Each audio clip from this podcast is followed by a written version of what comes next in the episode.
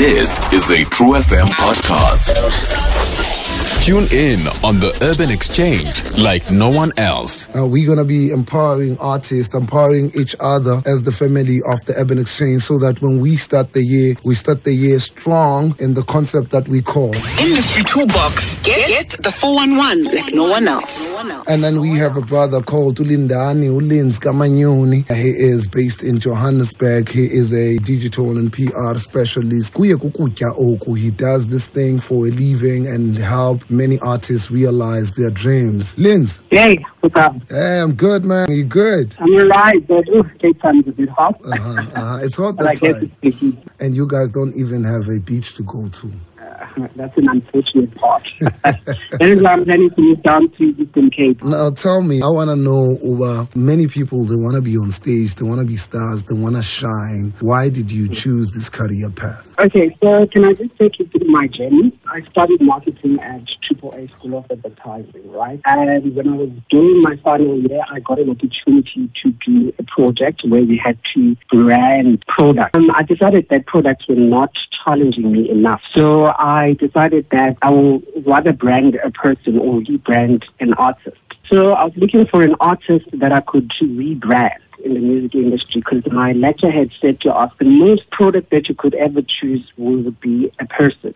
Yes. Then I chose Uzola, Uzola Seven as my project. And Oh, when I was diving into my research, I realized that um, actually branding a person is actually very, very difficult, you know. Mm. And these people, they don't have control. And these are the people that we communicate to them every day. So they can wake up one day and decide one thing or another. Whereas when you have just an, an object or a product, would not make any decisions. They would not change minds. It's just an object. You know, it doesn't have any feelings or any emotions or anything like that. But if you are working with a person, it's a totally different story. Yes. And then that's when I fall in love with branding artists, uh, working with artists, working with people, you know, especially the ones who would like to be in the entertainment industry. Which So is the most exciting project you've worked on thus far? Yeah, well, um, I've got a couple of projects that I've worked on, right? And I've also worked with uh, some of the biggest brands, not only in South Africa, but also in the world as well. Obviously, I can't probably mention them because it would be free advertising for them and we wouldn't want to Yes. get paid.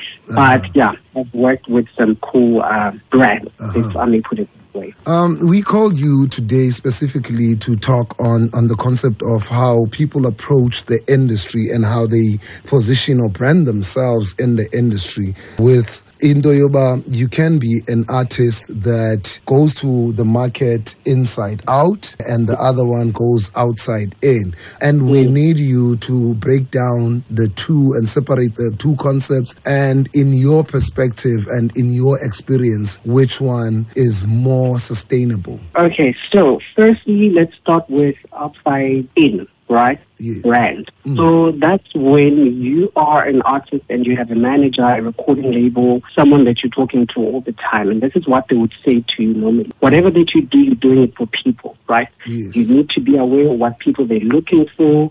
You need to associate yourself to certain brands. You need to live this life so that people they can start relating to you. Mm. You need to do one, two, three, and four in order for you to grow your digital platforms. Mm. You need to spend certain amount of money into certain areas, right?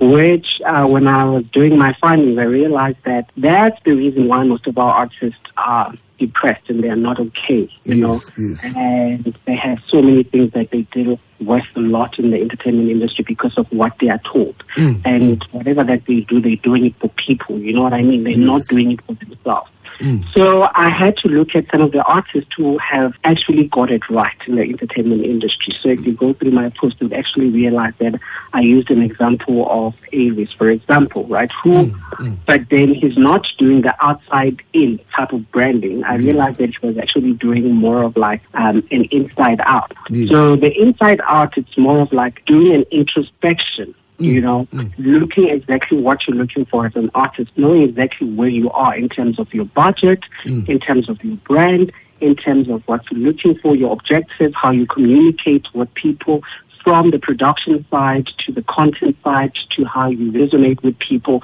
This is you making your own personal decisions before you could take big steps such as working for recording labels, managers, distributors, publishers, anyone that is involved in the business world. You first need to analyze the state of where you are as an artist so that when you get into the entertainment industry, you are physically and mentally ready to, you know, to take over the world. That is why um, A-Reece is not so much faced about mm. what is happening on social media. He's not so much, but he's got loyal fans. Yes. And I think that's what is important. If you understand your inside out, Mm. is that are people they tend to relate to you more because whatever that you put out there is very emotional, which brings us back to emotional branding as well. You know what I mean? Mm, So if you have a show, for example, people they will definitely pull up, you know, Yes, no matter yes. what, because they understand and they relate to you in that personal level. So it's Mm. very personal, and you're just taking art into the world than being guided for the sake of money. Because uh, to be honest with you, the industry is a bit shady. Mm. You know, whatever you do, you're told that you need to do it for money, which is not the case all the time. You know, you need to balance your Mm. Yes. personal life and your business side of the music industry. Uh, Besides A-Reece, are there any other artists?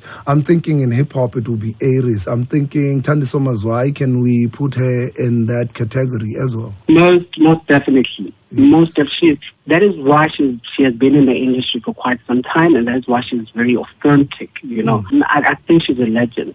You Mm. Know, and those are the results of being that in our type of, of a brand because you stay long in the industry no matter what happens, no matter what challenges you face, you still Mm. stay strong and people can still remember who you are. Because what is important is that brand recall and that brand recognition, Mm, you know, mm, that is so attached to you as a brand. Word, man. Thank you very much. And what we will do is we're going to keep on with this conversation for the rest of the month. And we want to keep it as long as we are able to, because I know you're a globetrotter. You could be called to Europe anytime. So uh, now that you are still here, we would love to keep on this conversation. Looking forward to what you're going to bring us next week. Awesome. Thank you very much for the opportunity. And all I want to say to all the artists out there, we are living in a digital space. Let's take control of those digital platforms. No one is going to tell you otherwise. You know, everything is just on your fingertips. Now, how do people reach you? If someone is listening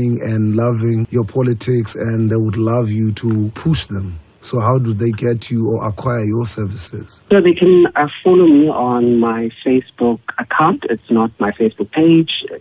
I don't have a Facebook page yet, but I'm planning of creating one because I saw the opportunity in the gap. So it's Lindani Alim Manyoni, so that's my account. And already I think it's doing very well.